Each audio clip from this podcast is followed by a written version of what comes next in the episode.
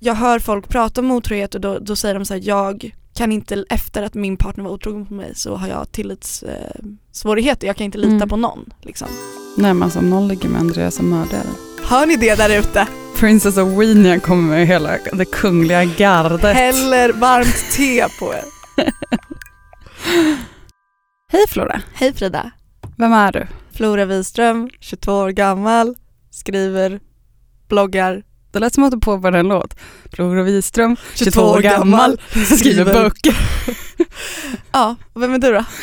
Jag försöker ta reda på det men under tiden så frilansar jag som fotograf, har en blogg på Bonn, instagrammar, har en tidning som heter Nuda. Just det. Och det här säger inte vi för att vi vill hålla på och trycka upp saker i era öron utan vi hoppas ju på att hova in lite nya Om det lyssnare. kommer någon ny som bara, vem är det här? Så vill de veta på en gång att jag heter Flora, jag är 22 år. gammal. Och Frida är också den personen med grått hår på poddbilden. Ja, Du fyller år imorgon. jag vet, Hur känns det? ingenting. Fyller du 22 år? Fyller 23 år. Okej. Jag fyller 23. Mm. Igår satt jag med panik och bara shit, nu måste jag planera någonting. I alla fall alltså någonting. Men i år så vill jag inte göra värsta grejen utan jag tror att det kommer ta det ganska lugnt och sen kommer jag nog äta middag med mina, ja, kanske tre närmsta. Fint. Vi får se. Mm. Men eh, imorgon har jag, har jag faktiskt inte så mycket planer. Men jag kommer att tänka på, alltså min absolut, min, eh, jag vet inte om jag berättade om det här i podden. Den första födelsedagen jag någonsin hade, inte när jag fyllde ett för då var jag lite, lite för liten för att eh, ha en, vara en party planner. Men när jag kunde ha liksom den första födelsedagen när man bjöd in kompisar från dagis. Typ Mm. när man var tillräckligt gammal att fatta att så här, okay, det är andra personer här för att jag fyller år. Typ. Då hade jag på förhand planerat vart varje barn skulle sitta, stå och vilken leksak den skulle leka med. Och hur är jag länge. inte förvånad. Och det slutar ju med katastrof för att om en annan Ja. typ ish treåring ska försöka få andra treåringar att stanna på vissa platser och leka med vissa saker och så vill inte de det. Så det var väldigt traumatiskt för mig och jag bara bröt ihop och så grät och grät och grät för ingenting blev som jag hade liksom planerat. Nej. Ingen gjorde som jag sa. Och det var också återkommande under när jag var liten att så här, mina föräldrar alltid bara så här, tänk på att andra också måste få vara med och bestämma. Du bara, nej. kommer jag ihåg som, Hello. ett, kommer jag ihåg som ett mantra. Ja. Och då när jag satt och tänkte på det här barndomsminnet igår så kom jag att tänka på att jag fick ett brev av min bästa vän på lågstadiet för några veckor sedan. Och jag förstod direkt när jag öppnade ungefär vad, vilken lek det här rörde sig om. Eller allvar, beroende på hur man ser på det. Men jag har inte gått igenom de papperna. Men jag ögnade igenom lite första sidan och kände så här, hmm, det här är en inblick i, något mörkt. Så jag tog med det pappret. Du skojar. Så att framför mig har jag tre A4-papper som är ihophäftade. De är lite gulnande och det är De ser då... väldigt mycket cowboy ut. Ja, jag har använt någon typ av font här som är lite... Jag tror att jag har använt en font som ska kännas lite newspaper Just det. för 500 år sedan. Det här är alltså då en tidning.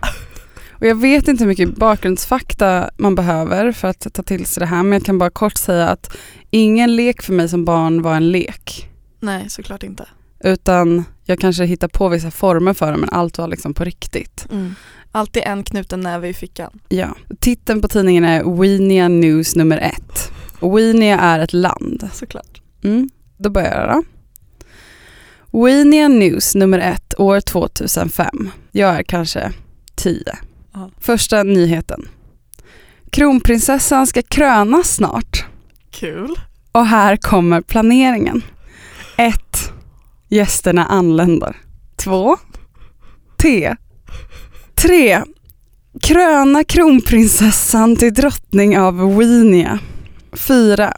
Dessert som består av glass och chokladsås och silverkulor. Och gud vad jag vill komma. Det är också liksom den, det är en inblick i vad jag tyckte var så fancy 2005. Det är att man fick silverkulor på glassen och te för att det är typ lite äckligt och något som vuxna dricker. Det kändes kungligt liksom.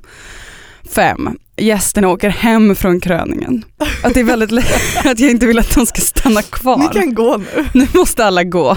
Det står i min planering. Nästa nyhet. Prinsessan von Salomonsson. har varit på het semester i Örebro i sommar. Gud, alltså jag börjar gråta. Jag skäms. Hon var på badet och spana efter killar med magrutor.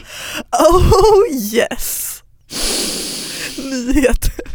Det är så lite skvallerblaska, jag älskar det. Ja, alltså det är så mycket. Det är både bankinformation från, det är, så här, det är ett litet nyhetsblad med information från staten om en, om en kunglig kröning, om en bank och så lite så här skvallertidnings Hänt Extra. Men it all makes sense, för det här är ju typ du idag också. Jag läste upp bara några av nyheterna på framsidan till Andreas. Han bara, men alltså du, jag har aldrig träffat någon som har åldrats så lite. Du är ju samma person. Och bara för att så avsluta om, inte det fram, eh, om det inte framgår, bara för att så liksom göra en kort slutsats. Och det är ju att, att kronprinsessan är ju jag. Mm, jag, jag tror inte att någon missade det.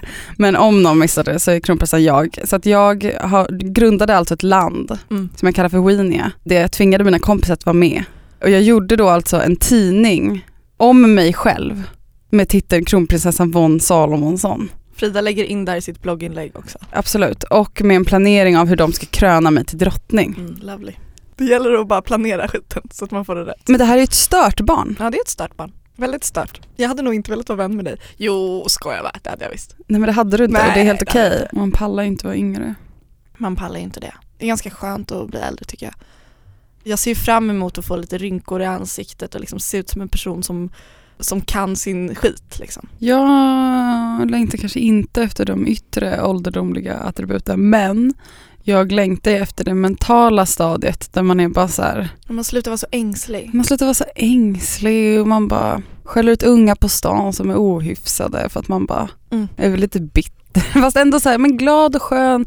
Jag tänker typ liksom, ja, men vi har redan pratat om det här. Man Mm. vill sitta på Capri och dricka typ, jag tänkte säga sangria men Capri är väl Italien och sangria är väl Ja, Spanien. kan dricka rosé. Mm. För man måste dricka saker som kommer från det landet. Det måste man. Det är väldigt viktigt. Jag har funderat över det här med otrohet. Inte för att jag själv har råkat ut för det. Alltså Vad du vet. Jag, ja, vad jag vet, exakt. Vad jag vet så har jag inte... Optimisten. inte vad du vet. Nej men och vad jag inte vet kan jag inte ta skada av. Men på ett sätt så kanske det är lite weird att jag vill sitta och uttala mig om, om otrohet när jag inte har varit, fallit inom citationstecken offer för det. Mm. Men jag tänkte ändå att vi skulle ta lite i det här. Mm. Känna lite på det. Mm. Lupa Ehm, upp otroheten. Mm, verkligen. Alltså nu när jag talar om otrohet så pratar inte jag om någon som är notoriskt otrogen eller som har en affär eller liksom har, har otrohet som en, typ, en del av sin livsstil. Utan jag talar om otrohet som kanske sker, ja men du, du vet. Lifestyle. Du vet den andra typen av otrohet som är kanske att man hånglar med någon på en fest eller går hem med någon för att man är ledsen och fuckar upp typ. Eller Mm. alltså så, mer typ så här engångsföreteelser. Mer att så här, okej, tiden, platsen, mental state, stjärnorna stod i linje, någonting råkade hända. Precis. Mm, den typen av otrohet. Ja. Inte så här, nu har jag träffat den här killen Nej inte tio det här gånger men jag vill ändå inte berätta för min partner för att Exakt. Och jag menar otrohet kan ju också vara kanske att man skickar massa snuskiga sms till någon annan fast man har en partner och ja, det där definierar man ju själv vad som är otrohet. mm. Har du och Andreas satt upp riktlinjer för vad som är okej eller inte? Gränser? Nej. Hur kommer det sig? Ja, det är en väldigt bra fråga. Jag har faktiskt aldrig, jag har inte ens tänkt på det om jag ska vara helt ärlig. Om att vi ska ha ett sånt eh, samtal. Det är väl kanske inte så aktuellt när man är nykär heller. Man, Jag tänker det också. Alltså jag vet att jag, jag och Matthew hade ju några liksom sådana samtal. Där vi pratade om vad man kände var okej och inte. Mest vad han, han tyckte var okej jag gjorde. Jag kan lite, snälla då, kan, Kan jag få hångla med andra? ja, men, ja, det kan vi komma till sen. Men eh, eftersom jag har varit så himla nykär, jag tror att vi båda har varit ganska nykära, så har det samtalet inte varit aktuellt ännu. För båda, eller i alla fall jag är ju liksom ändå psykotiskt kär. Mm. Att, Jag älskar att du uttrycker det så för det är ju så det Ja men helt psykotiskt kär. Så att eh, min tun- mitt, jag har ju ett väldigt tunnelseende. mm. Att det inte ens skulle vara aktuellt liksom. Och vi är med varandra hela tiden. Ja, det finns inte fysiskt utrymme för Nej men alltså i, i tidsmässigt i kalendern så har han bara inte tid. Nej. Men har du och Isak pratat om det här? Ja, vi pratade om det ganska tidigt när vi blev ihop. För att dels så, så har jag en polare som berättade det när hon skaffade en ny partner att hon säger åh vi har pratat om det här och jag minns att jag tänkte så här, gud det här vill jag också göra tidigt i relationen. Alltså typ kan man flytta med andra, hur fungerar det? Att man liksom har ett öppet samtal om det Mm. så att det inte blir så himla laddat. Typ. Men jag tänker att Så det alltid är ändå svårt, även om man har ritat upp riktlinjer så handlar otrohet tycker jag så mycket om så bara så stämningar och, och alltså vart, vart gränsen, ah, skitsamma. Jag, jag, såklart. Men det kan ändå vara skönt att ha någonting att falla tillbaka på. Och det jag och Isak pratade om det var typ så här, dels att vi båda är väldigt så här utåtriktade och träffar ganska mycket människor i vår vardag. Och alla tror för övrigt att Isak flörtar med dem för att han är en så här person som ställer frågor och tittar dem i ögonen typ så folk bara oj, gud. Typ. Så det är väldigt så här, stor sannolikhet att folk dels kommer uppfatta att man flörtar Mm. men också att man så här, rent empiriskt så vet jag att man känner saker för andra ibland. Och det kommer man inte komma undan hur kär man än är. Sen är det klart att så här, i det här stadiet när jag också är psykotiskt nykär, för det är jag verkligen, så kommer inte det hända på samma sätt. Men man vet ändå med tiden att man kommer stöta på andra människor som man känner attraktion till. Och det sa vi rakt ut. Och det är klart att det så här, gör lite ont att tänka på. Men det är också så här, ganska skönt att så här, båda har sagt det, ah, men det kommer hända. Och det är väl en grej om man flörtar men det är en helt annan grej om, om ens syfte är att ragga upp personen och typ vilja gå vidare med den flörten. Men om man är lite så här flörtig och härlig så är det fine liksom. Mm. Men sen så pratade vi också om så här att problemet med det här är att jag är mycket mer rationell i mitt tänkande. Så jag är så här, när vi pratar om svartsjuka så kan jag, om jag tänker på att han har legat med andra i sommar innan vi blev ihop liksom, eller exklusiva. Då kan det typ stinga till lite men sen kan jag väldigt snabbt tänka så här, okej men det var ett eller två eller tre ligg motsvarande våra hundra ligg den här hösten. Och då blir det väldigt litet i mitt huvud och då känns inte det jobbigt. Medan för honom tror jag att det är annorlunda, att där, de där engångsliggen också väger ganska tungt. Så att för mig så blir det lättare att tänka så här och jag tror kanske inte att alla tänker så. Men vi satte i alla fall upp, eller vi, vi, ja, men vi har helt enkelt sagt att ja man kommer väl flirta liksom. Men så länge man inte typ säger så här Åh, om jag vore singel så skulle jag knulla dig mot den där väggen. Eller typ så länge man inte Vi kan alla enas om att det är ett minor snedtramp. litet litet snedtramp. Men, Allt är okej, man kan bara inte gå fram till någon och bara jag vill knulla upp dig mot den där väggen. Tydliga riktlinjer. mm. Men jag, för i mina tidigare relationer så har det varit så att man inte ens kan nämna ordet flirta utan att det blir så här annan stämning i luften. Mm. Alltså så Mm. det, och det, så vill inte jag ha det. För att jag tycker att vi alla ska enas om att man är en mänsklig varelse och man känner saker. Mm. Liksom. Nej men jag, eh, nu är jag nog fortfarande för psykotiskt nykär för att liksom orka engagera mig i, i, i det ens. För att jag eh, värderar liksom bara den typen av bekräftelse från en, en person Mm. just nu. Men jag kan absolut, eller jag har absolut flörtat. Eller är ganska, kan vara ganska flörtig om jag är typ ute eller ja, i olika sammanhang där man inte är, hemma. Mm. Och att det kan vara ganska trevligt och härligt och typ Alltså inte att man har liksom, som du säger vidare ambitioner med den flörten. Utan bara så här, och det behöver Få inte ens vara att man i stunden. Ja och det behöver inte ens vara att man pratar med varandra. Nej. Alltså det kan bara vara lite så här, typ en blick i en bar och att det är lite så här, man får en liten boost och bara Mm. still got it. Typ. Ja men precis och sen så tror jag att så här, det är lätt för mig nu också att prata om så här, ja, ja men om Isak flörtar med någon annan det är fine. Mm. För jag känner mig så himla bekräftad av honom. Alltså Mm. det går inte en dag att jag tvekar på att tvivla på om han är kär i mig för Mm. det, han gör det väldigt tydligt liksom.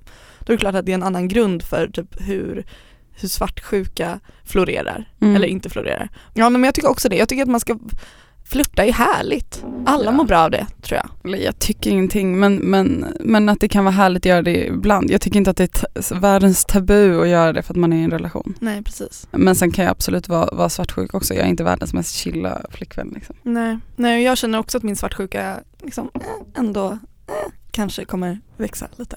Mm. Men det som jag tycker är så skevt med otrohet det är att det liksom så här, i vår kultur så ses otrohet som det ultimata sveket. Det blir liksom en schablonbild av vad ett svek är och om någon är otrogen så är man väldigt snabb ofta med att göra slut. Att det är så här, jaha nu har den här personen svikit mig till den gräns, alltså som att det finns inget värre än att det här har hänt och nu har det hänt och nu måste jag göra slut med den personen. För att man, man har kommit fram till att det är det värsta man kan göra. Fast det finns så många andra saker som personer gör mot sina partners hela tiden som är så mycket värre. Och återigen, igen, jag har inte varit utsatt för att någon vad jag vet har varit otrogen mot mig men jag tycker ändå att så här, folk pratar om otrohet på ett ganska onyanserat sätt. Mm. Jag menar, man kan vara i en relation där man inte känner sig respekterad Mm. eller att man känner att sin partner aldrig lyssnar på en eller aldrig skrattar åt det man säger. Eller zonar iväg och liksom zonar ut och inte är där när man pratar. Alltså det finns sådana saker som så här i längden tär mer tror jag. Som Mm. bryter ner en person på ett annat sätt men det ser man inte som ett svek och det kanske är för att det är lättare att ta på otrohet. Det är så himla så här, du har varit otrogen punkt slut medan det andra kanske är lite mer vagt. Mm. Men att det ändå gör mig så irriterad. Mm. Alltså, dels så tror jag att väldigt många som är, alltså när det är relationen där en person eller båda personerna är, eh, är otrogna så tror jag också att väldigt många inte är slut. Ja. Tror jag. Kanske bara det att man, de hör man kanske inte om lika mycket. För folk kanske Nej, inte, för att det är också väldigt eh, skamfyllt att, att ha en partner som varit otrogen. För jag tror att väldigt många ser det som något form av misslyckande. mm, Om en relation där, där en part har varit otrogen så tror jag att den andra kan känna ganska mycket skam över det och Mm. liksom otillräcklig. mm, Och sen, okej men räcker inte jag eller är den här personen inte tänd på mig eller Alltså att det finns väldigt mycket skam i det. Och att man kanske liksom inte är benägen att, att dela med sig om det, att, att ens partner har gjort det här mot en. Framför allt om man känner att man vill fortsätta vara med den parten. ja, För att man kanske är rädd att ens kompisar ska tänka saker om det eller att personen runt ska tycka att man är svag. just För att det. man inte lämnar den personen för att det finns ju ja, kanske en bild av, liksom, som du säger, ja, men otrohet är liksom det värsta som kan hända en. Och den parten som stannar med den otrogna parten är liksom, saknar liksom karaktär eller självstyrka och är liksom en, en svag person som kan pushas runt. Liksom. Mm, Men jag håller absolut med dig om att det är Alltså att otrohet är någonting man talar om och det är ganska tydligt. Sen finns det blurriga linjer, men vadå, har man, har man en relation där man har sagt att man är exklusiv och sen knullar någon, någon annan eller verkligen hånglar upp någon om man inte uttryckligen sagt att man är okej med det. Nej Mm. men jag, jag förstår vad du menar, alltså, så här, det, det blir tydligt, Det är då man tydligt, satt upp den exakt. gränsen att så här, vi är med varandra, ingen annan. Medan när det Exakt. kommer till respekt så är det klart man kanske har, så här, vi respekterar varandra Mm. men det blir inte lika tydligt om den Mm. personen helt plötsligt börjar typ psykiskt miss, misshandla. Nej, poängen är ju att det finns väldigt mycket annat i, i en relation som man kan ta skada av. Liksom. Ja, jag har en eh, bekant som var ihop med en kille och hon, min bekanta, hon eh, är liksom en av de smartaste personerna jag känner. Och jag minns att jag frågade henne någon gång så här, men får din kille dig att känna dig smart? Och hon bara, nej. Nej, aldrig. Och att det gjorde så ont i mig då, för det var så här, det är verkligen ett personlighetsdrag som definierar henne. Mm. Och hon fick aldrig känna sig smart, vilket gjorde att hon blev så nedtryckt lite i taget. Mm. Och det tyckte jag var långt mycket värre än när hon sen var otrogen mot sin partner. Alltså Mm. att för mig är det så här väldigt tydligt vad som är värst. Typ. Mm. Men att det är väl också det att man lägger så mycket av sin tillit i just den sexuella akten. Och det är för att vi lever i ett, ett samhälle med en monogaminorm där man delar upp sig två och två. Det är just det att jag hör folk prata om otrohet och då, då säger de så här, jag kan inte, efter att min partner var otrogen på mig så har jag tillitssvårigheter, eh, svårigheter. jag kan inte lita Mm. på någon. Liksom. Och att det är så sorgligt att det ska vara så. Och det tror jag jätte, jättemånga känner. Och det är ju bara för att man lägger så mycket tillit Mm. i det sexuella. Mm. Och jag tror också att jag ganska tidigt fick en eh, ja, men lite så här realistisk bild av det. Precis när, när jag började ligga en del men inte liksom, ja. Jag har legat med en del, varit med en del killar som har flickvänner helt enkelt. För att det kändes praktiskt. Utveckla gärna. Ja men det var aldrig några frågetecken liksom. Man fick ligga På formen för, för relationen på något sätt. Mm. Och det är väl tråkigt men hallå, jag var också drottning av weed när jag åkte typ inte så gammal. Men det jag skulle komma till är då att då såg jag liksom att så, okay, de här, det här är några killar som är världens finaste. Alltså världens finaste, gulligaste. Som alla tycker om. Så här feministiska, och så här smarta, bla bla bla. Och om man utåt sett eller som till och med nära vän skulle man tro att så här, okay, den här personen skulle aldrig liksom vara otrogen eller göra någonting mot så här, sin flickvän som inte var, kändes bra på det sättet. Men så, så upptäckte jag typ så här, okay, men de, eh, ja, och sen så låg jag med dem. Mm.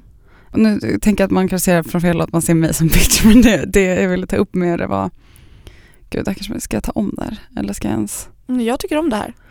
Men jag låter som en jävla fitta liksom. Men du kanske kan problematisera det på något sätt?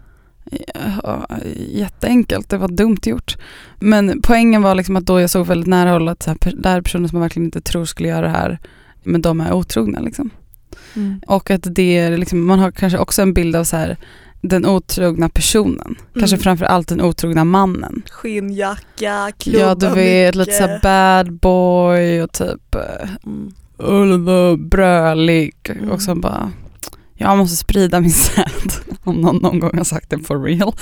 Ja men du vet den approachen. Ja. Men jag tror att otrohet är, mm, dels lever väldigt mycket i det dolda, i att saker faktiskt inte ens kommer ut. Och sen dels så är det liksom vem som helst. Det är inte en viss typ av person som är otrogen.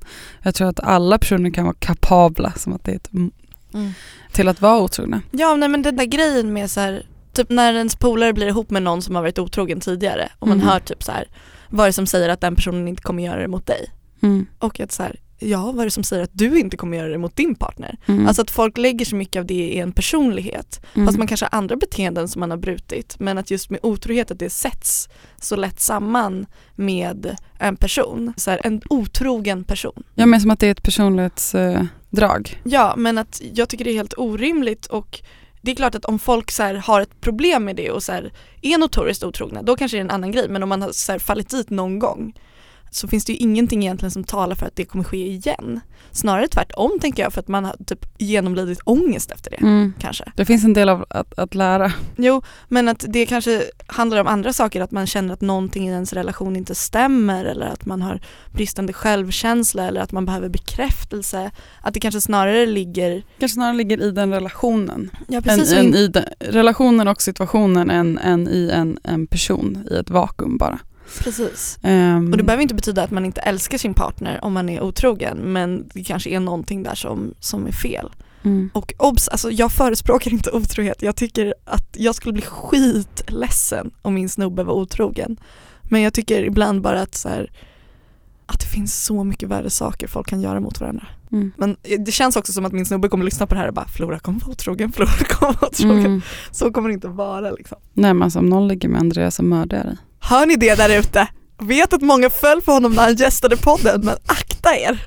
Men det är sant. Kommer liksom. Frida och piskar er med sitt långa hår. Princess of Weenia kommer med hela det kungliga gardet. Häller varmt te på er. Om ni vill Ehm. inte veta vad som händer i Weenia Prison. Vi följer inte så många FN-konventioner om, om man säger så. Men får jag fråga dig Frida? Eller ska jag säga Weenia? Jag gillar att Eller bli titel- Princess titulera Weenia. drottning av Weenia. Drottning av Weenia von Salomonsson. Ja. Hur tänker du kring typ att vara poly eller leva i ett monogamt förhållande? Vad jag tänker om det? Snusk. Fy på er, fy! Kärlek är mellan en man och en kvinna. Vad ska jag säga om det? Krångligt tycker jag att det känns. jag kan väldigt lite, alltså faktiskt. Jag tänker att Det, var- närmaste jag kommit är en gemensam kompis till oss Mm. som jag vet praktiserat de här, de här grejerna. Jag skojar. Alltså gud jag skämtar verkligen och jag ler jättemycket även om det inte kommer fram i radio så det är lite svårt ibland. Ja. Ja, men i alla fall, Polly. Ja. Det är så här, vad, vad tycker jag om det? Jag tycker Nej ingenting. men jag menar kanske inte tycker men tänker. Ja, jag vet inte vad jag tycker eller tänker. Om, om det känns bra för de inblandade så Mm. är det väl bara att, att köra Ja liksom. men såklart. Men det som är intressant med det här är att när jag pratar med folk om, så här, om att vara poly så är det nästan alltid tjejer som är för och killar som är emot. Det är Ja. min erfarenhet och det är en väldigt så här, det är inte en statistisk undersökning utan det är mer typ, jag har kollat min närhet. Mm. Och i min närhet med, med par så är det ofta tjejer som är mer såhär, men kan vi inte ha en öppet, öppet Mm. förhållande? Och killarna bara, jag vill inte att jag ska ligga med andra. Nej, det är för att det fortfarande tyvärr ligger kvar att kvinnan är mannens egendom. Jaha, jag tänker att det är liksom lite tvärtom, att man tidigare sett att, så här, eller så här, att man har kanske bilden av att killar ska vara så himla sköna och det är så här, "Ja, det är klart vi har ett öppet förhållande, bla bla. bla. Men att de kanske är mer, vill hålla mer på sin, Ja. på sin Du är min brud. och Ja. ingen annans. För det där tänker jag också på att så här, i början så lät inte jag min snubbe, eller han säger fortfarande inte så här och du är min typ. Jag kan höra mig själv säga så här, mm, du är min. Och så kan jag spy lite i munnen på att jag säger det men jag kan också det är lite mysigt att han får vara min och bara min liksom. Mm. Men så jag är också tudelad för det där ägandet. För jag tycker, jag tycker, jag går igång lite på känslan av att vara hans. Men samtidigt så vill jag också väldigt gärna vara min egen. Ja, men, Men det alltså, måste känsla. det vara, jag tänker typ så här att det alltid blir så grova ord när man ska prata om monogami, att så här, man kan inte äga en annan människa. Nej, det Mm. kan man inte, men man kan säga att jag tycker så himla mycket om dig och därför vill jag till exempel bara ha, ha sex med dig. För för mig är det ett sätt att visa att det är någonting bara vi har som intimt Mm. som, vi, som vi delar tillsammans. Att man kanske vill ha en, en, någon typ av respekt gentemot varandra, inte för att det behöver vara, ja, någon typ av liksom samspel eller respekt gentemot varandra. Där man säger typ så, okay, men vi blandar inte in andra personer i just den typen av relation vi har. Mm. Typ. Nej, Så jag känner inte att man måste typ så här, pra, alltså jag tycker inte om när folk ska kritisera monogami och säga liksom att det handlar om ägande, för så behöver man inte se på det.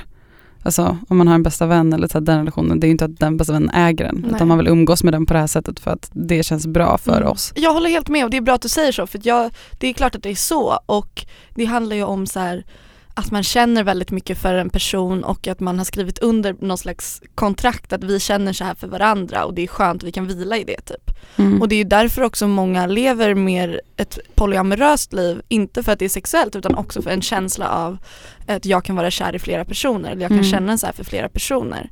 Och jag tror att fler, väldigt, väldigt många fler skulle kunna leva ett sånt liv om det såklart var mer socialt accepterat för att det är ju superknäppt att man, man går runt i en värld och tror att man bara kan känna saker för en person. Mm. För mig känns det superknäppt. Men samtidigt så tror inte jag att jag skulle kunna leva ett Alltså jag tror, hade vi haft den här podden, grejen är att det här är väldigt mycket dagsform och vart man, vart man befinner sig i sin egen relation och sig själv.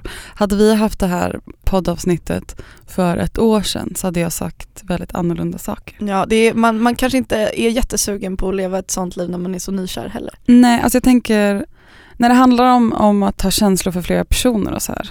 Jag tror absolut att man, det, eller jag vet, eller det är klart att man kan ha det. Mm. Jag tror att det kanske är, är svårare att blanda in fler personer om man är i ett väldigt kraftigt förälskelsestadie. På grund av att man liksom ofta kanske blir psykotisk och väldigt, väldigt besatt av en person. Mm. Och att det då kan vara svårt att kanske bara ha typ tiden att ha utrymme för, för fler. Men jag tror absolut att det finns någonting att eh, kombinera olika liksom, relationer i olika faser. Alltså om vi säger att om man har liksom en väldigt stark förälskelseperiod med någon i kanske ett och ett halvt, två år. Och sen så avtar det och går in i någon mer, en djupare form av kärlek där man verkligen har en fin, en väldigt fin kontakt och man verkligen känner varandra på djupet. Och så här, det här är någon, ja, du betyder väldigt mycket för mig i mitt liv. Men sen kanske man då också har utrymme att inleda någon typ av ny förälskelsefas. Jag har väldigt svårt att se, men eh, kan du det så good for you eller någonting. Men jag har väldigt svårt att se att man kan kombinera flera nyförälskelsefaser samtidigt utan att gå in i en psykos av too much emotion. Liksom. Mm. Jag i alla fall. Mm. Jag ser mer, om jag skulle ha, inte vara i en heterorelation så ser jag i alla fall framför mig att det skulle behöva vara relationer som har olika faser.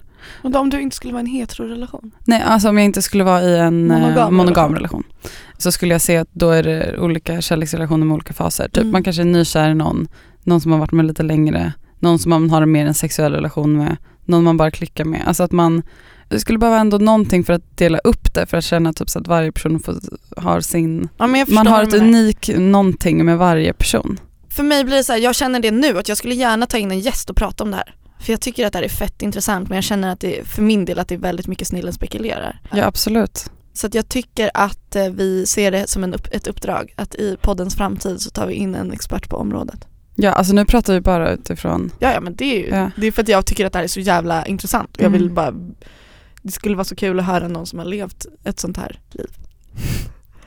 jag tänker också att det är väldigt mycket beroende på vad man har för behov av, av en relation. Alltså om man är, är en person som vill ha ut väldigt, väldigt mycket tydlig stabilitet, strukturer och trygghet i en relation så kanske det inte passar. Att inte riktigt veta vart den andra personen är eller om den har då kanske det är stressande att liksom den personen har en relation, hur ser den relationen med den andra ut? Mycket handlar väl också om att en rädsla av att man vill att den här personen man tycker om ska tycka om en så himla mycket och att då konkurrera om, om den tiden eller uppmärksamheten på något sätt. Mm. Men om man är mer i ett skeende där man så är mer Flowy. Alltså jag vill, jag vill att någon ska se att liksom Frida dansar dansa som lite en så här, mask. lite så här, mm, mm, mm. Jag är a Åmar free spirit Ja, du, du ser verkligen ut som en inte free så mycket som knyter ner en. Då, då kanske man inte har de behoven av en relation, att den ska vara så här supertrygg, jag ska veta exakt vart jag har dig hela tiden. Mm. Eh, så det kanske beror på lite vad man har för förväntningar på relationen. Ja. Vad var du med om igår? Jag eh, tränar ju med Kajsa och vi var på Friskis och Svettis och vi hade bokat ett så Och här lyfte skrot. I wish, fast nej I wish not. För att det, som hände var så himla fint för att vi gick på så här gympamedel. Mm. Alltså Friskis och Svettis grundgrej, att man står i en ring och gör typ jumping jacks och typ så här höga Ett steg fram, ett steg fram, ett steg ut, Ja. ett steg ut. Ni vet den grejen som verkligen Ja. är så definitionen av ett gympapass. Ja. Och jag har inte gjort det på flera år. Men jag kom in i det där rummet och eh, han som eh, var ledare var så lite flamboyant, hade väldigt mycket så här handleder som vickade åt ena hållet och till andra hållet. Kom igen hörni! Woo! Och så här, han var verkligen en så här jazz och showdansare eller typ en schlagerperson. Hela spellistan var väldigt mycket slager. Och så här, på vissa top notes så skulle man så här, ta upp näven i luften och bara dun, dun, alltså lite så här Carola-style typ. Eh, och det var så fint. kul. Man För- gillar ju när de sätter sin personliga prägel på när det inte bara är så här. Ja, alltså Eller man känner att han har ju valt sina favoritlåtar. Oh ja, och så här, verkligen, ja men det var jazzig stämning. Och det som jag gillar med Friskis är ju att det är väldigt blandat med folk, alla åldrar, hurtiga tanter, jätteslappa tonåringar. Det är så många kroppar, det är så mycket hud som dallrar åt höger och till vänster. Det är så mycket olika svettlukter men det är på något sätt, alltså så här, ett kollektivt engagemang. Jag gick in för det där och jag har inte tränat på ganska länge så det var skitjobbigt verkligen. Jag har fortfarande väldigt mycket träningsverk. Man har alltid ångest inför det där första träningspasset. Ja.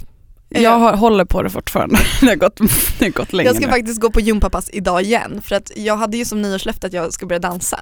Men jag inser Ah. att det här är typ dans för att jag får göra så här two-step och jag får så här flaxa lite med håret och typ woo! Det som jag gillar med gympapass är också att så här, i den här timmen så är det också rörlighet och avslappning inkluderat. Så att man stretchar, man rullar axlar, alltså allt sånt där som är viktigt för mig eftersom jag sitter still hela dagarna. Så det är liksom roligt, skitjobbigt och typ skönt.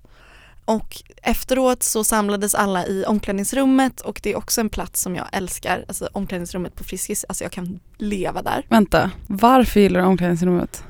För det är så mycket nakna kroppar, alla bara går runt och liksom det, det är bara en väldigt härlig stämning. Det känns liksom inte, jag har ju inte varit på Sats, men på Sats känns det väldigt mycket mer liksom poserande. Min erfarenhet är att på Friskis så är folk bara väldigt slappa, rent fysiskt och också bara i sin mindset. Och så här, mycket tanter, mycket härliga människor. Och så stod jag i duschen och inser så här, fan jag har Jag ingen gillar handduk. tanter i omklädningsrum. Mm, De är underbara. Att de är så himla härliga. De är chattriga. Ja. De frågar om man har läst den senaste boken av Knausgård. Alltså det händer. Så, så avslappnade. Om man inte får upp låset så kommer de och hjälper till. Alltså de är bara så här gulliga tanter liksom. Men så stod jag i duschen och så här insåg att jag hade glömt min handduk. Och sa det till Kajsa så här, fan jag, jag ställer mig som en fågelskrämma i bastun och så här torkar mig. Och så är det en tant där som bara, jag har en extra handduk om du vill låna den. Och det var också en sån grej som var så himla fin att jag bara såhär, men gud tack. Och så stod jag där och torkade mig med hennes handduk och sen vek ihop den och gav tillbaka den liksom. Hur var handduken? Ah, den var liten, en sån här rumpig handduk som man har i bastun. En sträv. Ja, För min farmor och farfar och jag tror också mormor och morfar har väldigt sträva älskar handdukar. skiten. Det ska rivas på kroppen. Ja exakt. Och sen efteråt så gick jag och Kajsa till hotellbaren som ligger där mitt emot och eh, drack läsk och snackade och jag hade haft ångest hela dagen men den var liksom borta. För att jag hade fått studsa runt och typ skratta med tanter. Har du fått Gunillas handduk? Ja, underbart. Alltså rekommenderar alla det här. Samtliga. Iväg och jumpa mer. Vi finns ju på Radio Play och en av mina favoritpoddar på Radio Play är Alla våra ligg. Ja, det är två tjejer som pratar om sex på ett väldigt så här utåtriktat sätt. Och de tar ju också in ett gammalt ligg i varje avsnitt. Jag tycker att det är helt fantastiskt. Det är briljant. och prata om typ så här, ah, jag tyckte att det var skönt när du gjorde det här men det var inte så himla nice när du gjorde det här. Och så killen bara, ja förlåt. Det- wow, wow. Men, men det jag undrar är, de måste ha legat så jävla mycket. Ja men alltså de måste ju fylla en poddgäst nästan varje vecka. De måste ju nästan gå ut och bara hej, jag har podden Alla våra ligg. Skulle du vilja ligga med mig ikväll så att du kan gästa nästa vecka? Eller hur? Eller typ ligga med alla sina polare. Eller gå ut och bara, hej, ja, vill du, du är inte så håller på med media, vill du gästa en podd? Ja vad roligt, du måste bara ligga med mig först. Och sen så kommer vi göra en review av detta ligg i podden. Alltså det är fantastiskt, det är ett skitbra sätt Jag att tycker få att det är en ligga. asnöjd podd, lyssna på den. Ja, gör det. Tack för att eh, du har lyssnat på det här avsnittet. Glöm inte att prenumerera på podden i iTunes. Ja, och här kommer Oinias nationalsång. Oinia, Frida är bäst. Prinsessan von Salomonsson, hon är bäst. Tack. Tack. Baby. You're so cute.